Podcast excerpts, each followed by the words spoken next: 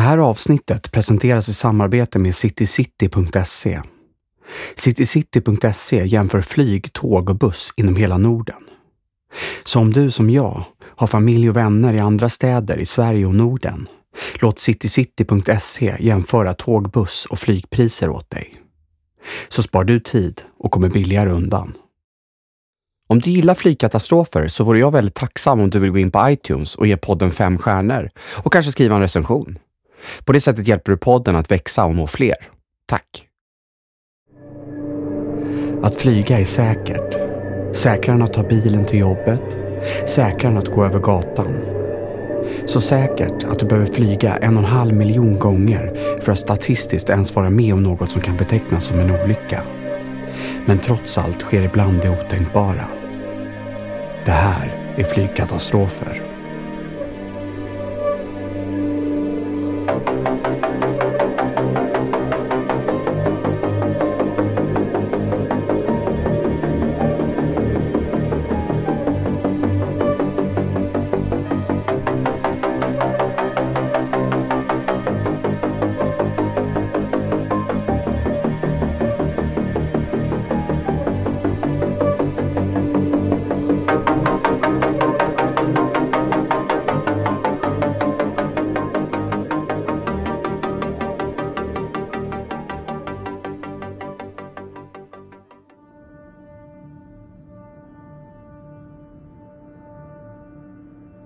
Maj 1945 kapitulerar Nazityskland efter ett nästan sex år långt krig som kostar 60 miljoner människor livet.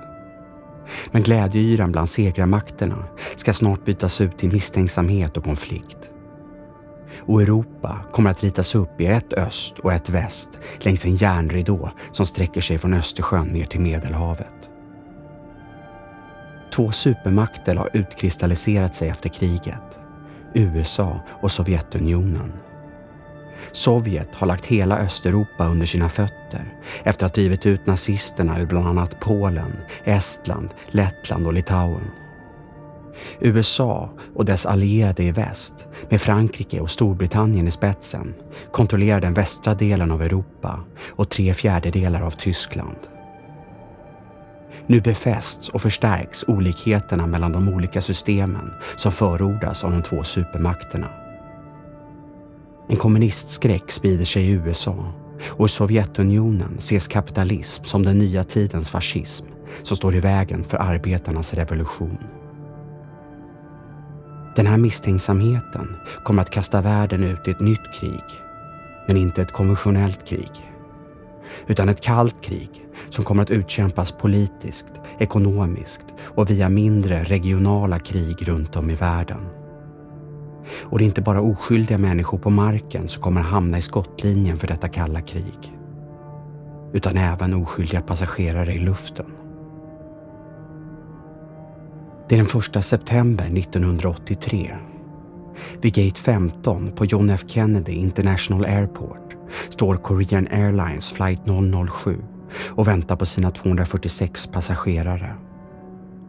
I besättningen finns 23 personer, varav 6 inte är i tjänst.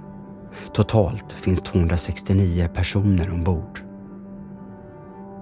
Planet är en Boeing 747-200, vid den här tiden världens största passagerarflygplan.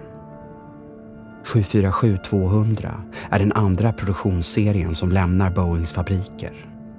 Den har bland annat kraftigare motorer och kan starta med en högre totalvikt än föregångaren. Just det här planet flyger först för det tyska charterbolaget Condor men planet köps senare upp av Korean Air under mitten av 70-talet. Korean Air föds 1962, drygt tio år efter Koreakrigets slut. Efter att Koreahalvön delats upp i en nordlig och en sydlig del mellan segrarmakterna i det andra världskriget utbryter ett krig mellan länderna 1950.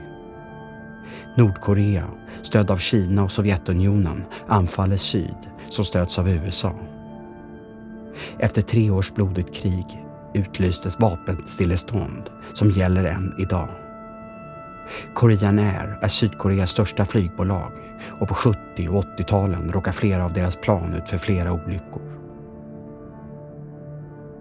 Kapten ombord Korean Air Flight 007 är Chun Byung-in. Andre piloten är Song Dong-Hui och flygingenjören i cockpitet är Kim Aidong. Bland passagerarna som båda planet den här dagen i september 1983 finns bland annat ledamoten i USAs kongress Larry McDonald. Han är på väg till Seoul för att fira 30-årsjubileet av USAs och Sydkoreas försvarsallians. Det ska senare cirkulera rykten om att den före detta presidenten Richard Nixon också skulle ha varit med på flyget, men att CIA avrått honom från att åka. Men att de här ryktena i efterhand ska florera är inte konstigt. Efter att det kalla kriget på 70-talet tinats upp med bland annat prat om nedrustning har år 1983 det kalla kriget återigen blivit riktigt kallt. USA har efter Jimmy Carter fått en ny president, Ronald Reagan. Reagan är en hängiven antikommunist och hans administration ligger bland annat bakom Strategic Defense Initiative, eller Star Wars som det döps till i pressen. Ett rymdprogram där satelliter utrustade med vapen ska kunna skjuta ner Sovjets ballistiska missiler innan de når sina mål i USA. Den terrorbalans som i många år har rått mellan de båda supermakterna USA och Sovjetunionen har nu rubbats. Och i Moskva är man övertygad om att USA planerar en kärnvapenattack. Och det är inte bara SDI som oroar Sovjetledningen. I slutet av 1983 ska Able Archer, den största militärövningen någonsin i Europa, genomföras av USA tillsammans med sina NATO-allierade. Tidigare på året har en annan marin militärövning, Fleetex, hållits. Under övningen har flygplan från två amerikanska hangarfartyg flugit över Kirilöarna, en omstridd ögrupp utanför Japan och Sovjetunionens kust. Efter den här övningen ska ledningen för det sovjetiska jaktflyget få en reprimand för sitt sena svar på överflygningen. Det här har fått militärledningen att vara på sin vakt när det gäller plan som närmar sig Sovjetunionens gräns. Generalsekreterare och ledare för Sovjetunionen är vid den här tiden en man vid namn Jurij Andropov. Andropov är en före detta KGB-chef som stigit i graderna i det kommunistiska partiet. KGB är Sovjetunionens säkerhetstjänst och har både hand om spioner i andra länder men bedriver också spionage mot dissidenter i det egna folket. Med sin bakgrund i KGB är Andropov naturligt misstänksam mot väst. Något som om möjligt gör situationen mellan de båda supermakterna än mer spänd. 35 minuter försenad rullar Korean Air Flight 007 ut på startbanan på John F Kennedys flygplats i New York. Klockan är strax innan 12 på kvällen, lokal tid. Bara några timmar senare landar planet i Anchorage, Alaska för att fylla på bränsle. Efter ett kort stopp lyfter planet igen nu ska det flyga över Beringshav och Stilla havet som internationellt vatten och senare Japan för att slutligen landa i sol fem timmar senare. Men planet kommer aldrig att komma fram.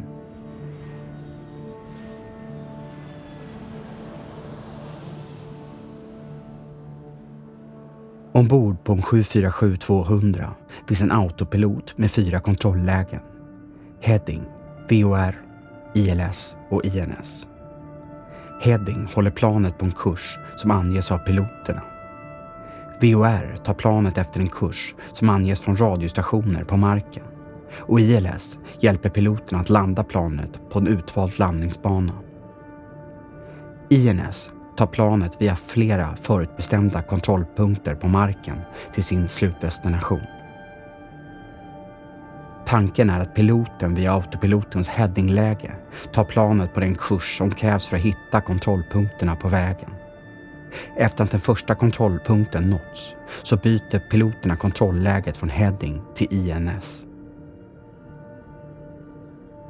Den här natten är den första kontrollpunkten i Anchorage avstängd för underhåll. Något piloterna ombord Korean Air Flight 007 vet om. Därför väljer kapten Chun istället att flyga i headingläget fram till nästa kontrollpunkt, Bethel, där man ska slå på INS-läget. 15 minuter bakom Korean Air Flight 007 flyger deras systerplan, Flight 015.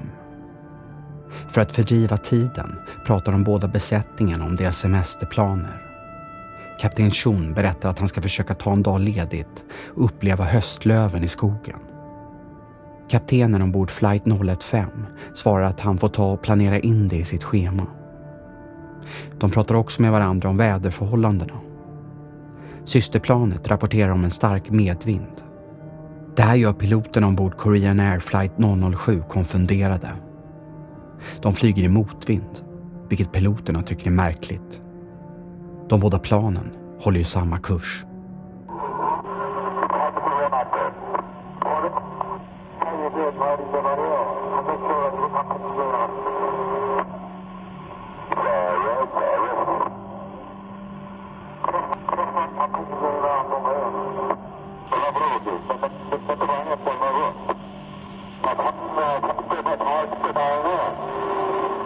Den ryska ön Sakhalin ligger strax norr om Japan och utanför det ryska fastlandet.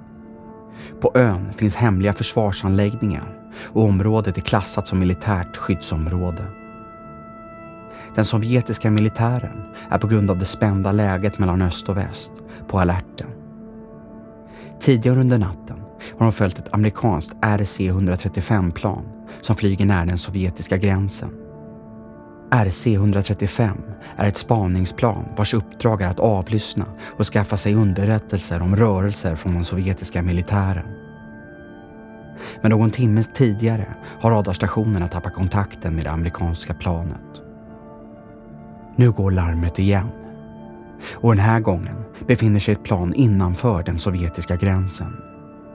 Alarmet går på flygbasen Dolinsk Sokol och två jaktplan av typen Su-15 skickas upp i luften för att jaga ifatt det inkräktande planet. Tidigare har samma plan siktats över Kamchatka-halvön. Men innan det sovjetiska flygvapnet hunnit jaga ikapp det har det återigen flugit ut över internationellt vatten. När nu larmet går igen är de sovjetiska generalerna fast bestämda om att jaga ifatt planet. Internationella regler kräver en identifikation av ett plan, men också att man varnar ett plan som kränker ett annat lands luftrum innan andra åtgärder vidtas. Detta för att inte förväxla ett passagerarplan för ett militärt flygplan. En liten stund senare har de två sovjetiska jaktplanen visuell kontakt med det inkräktande planet. Piloten ombord ett av jaktplanen heter Gennadij Osipovich.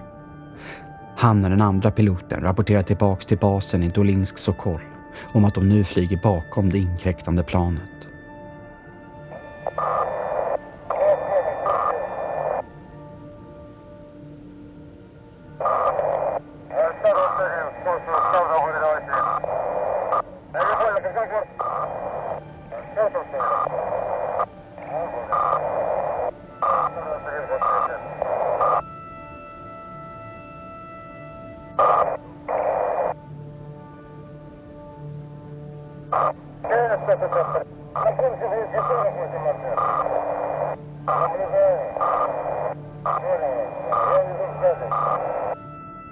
Osipovic rapporterar om att flygplanet har sina externa lampor påslagna.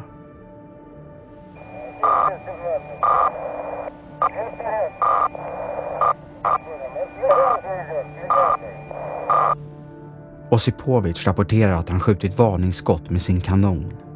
Men skotten är inte så kallad spårljusammunition, alltså av en sådan typ som lyser i mörker.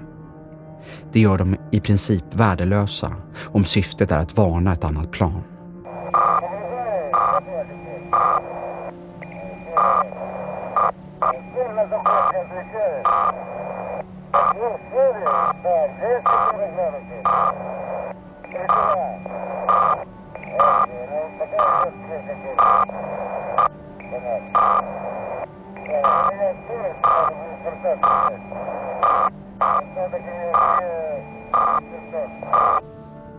Även om det sovjetiska jaktflyget skjutit varningsskott så håller det inkräktande planet fortfarande samma kurs. Osipovic berättar detta för sina överordnade. Osipovic rapporterar återigen om att han kan se planets lampor och att fönstren längs sidorna på planet är tända.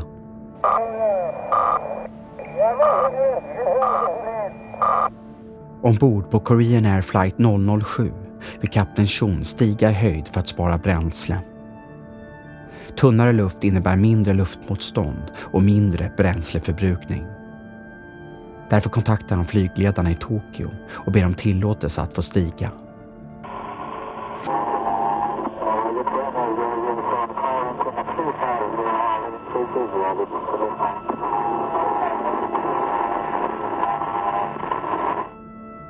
Ombord på ett av de sovjetiska jaktplanen rapporterar piloten Osipovic att det inkräktade planet saktar ner. Detta tolkar hans överordnade som ett försök av planet att komma undan. Han får order om att omedelbart skjuta ner målet. Han talar om för basen att han ska sakta ner och försöka komma bakom planet igen. Han säger också att han kommer använda en raket så fort han låst på målet.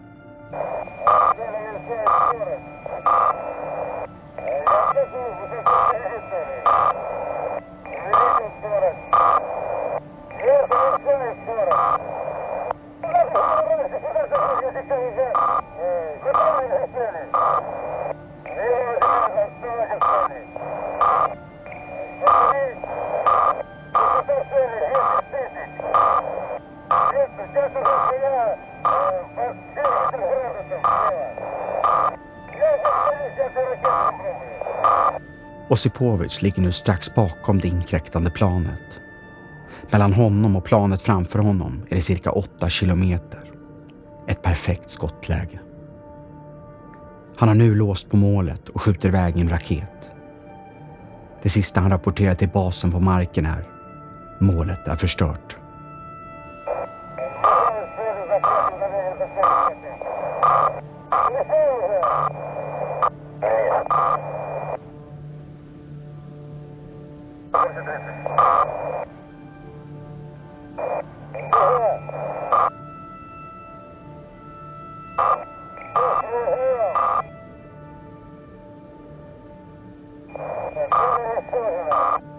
Plötsligt sker en kraftig explosion ombord Korean Air Flight 007.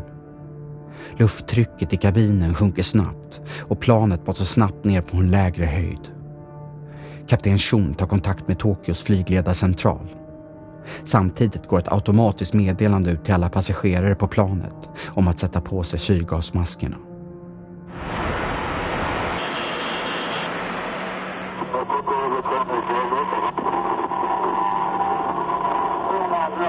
I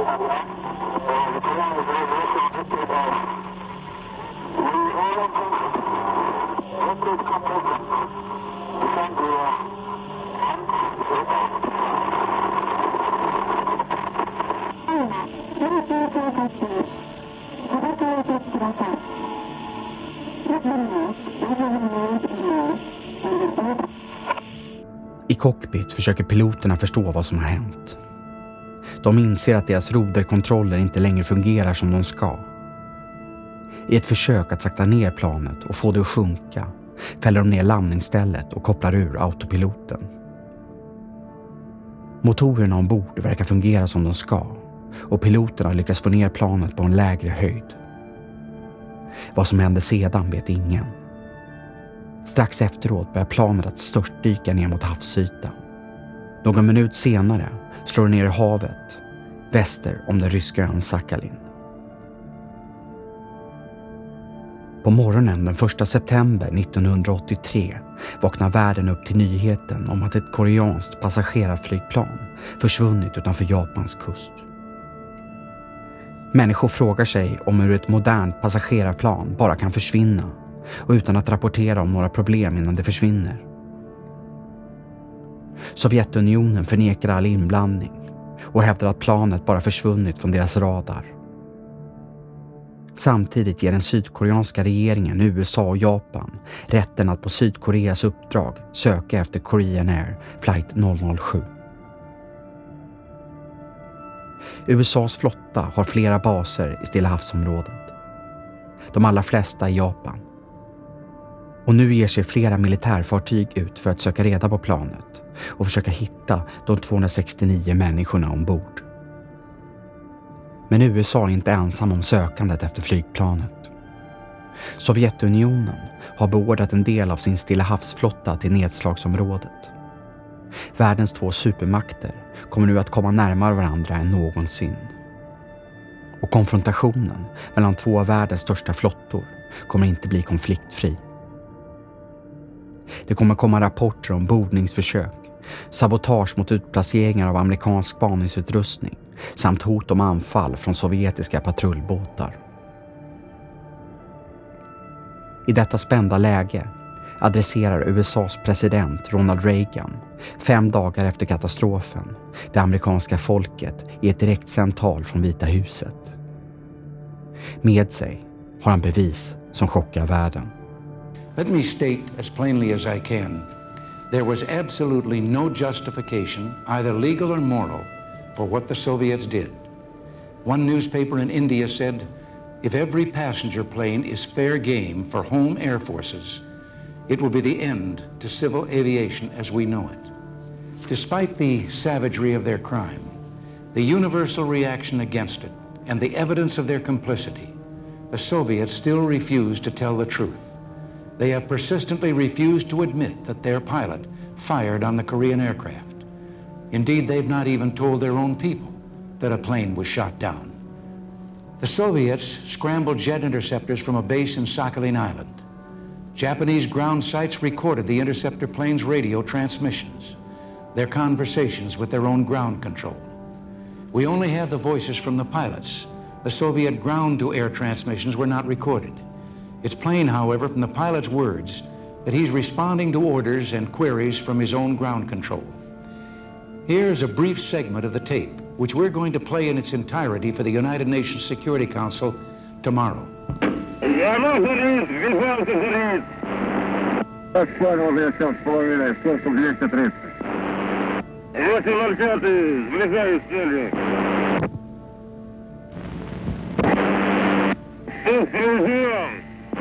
Цель уничтожена.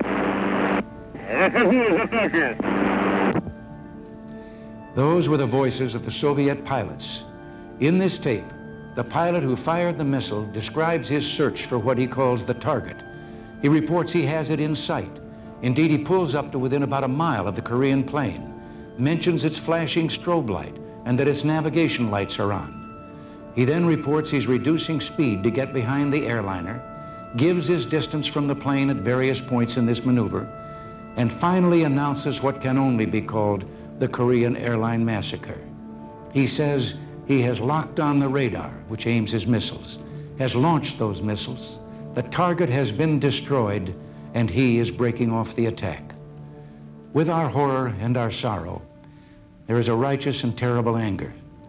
It would be easy to think in terms of vengeance, but that is not a proper answer. We want justice and action to see that this never happens again. Our immediate challenge to this atrocity is to ensure that we make the skies safer and that we seek just compensation for the families of those who were killed.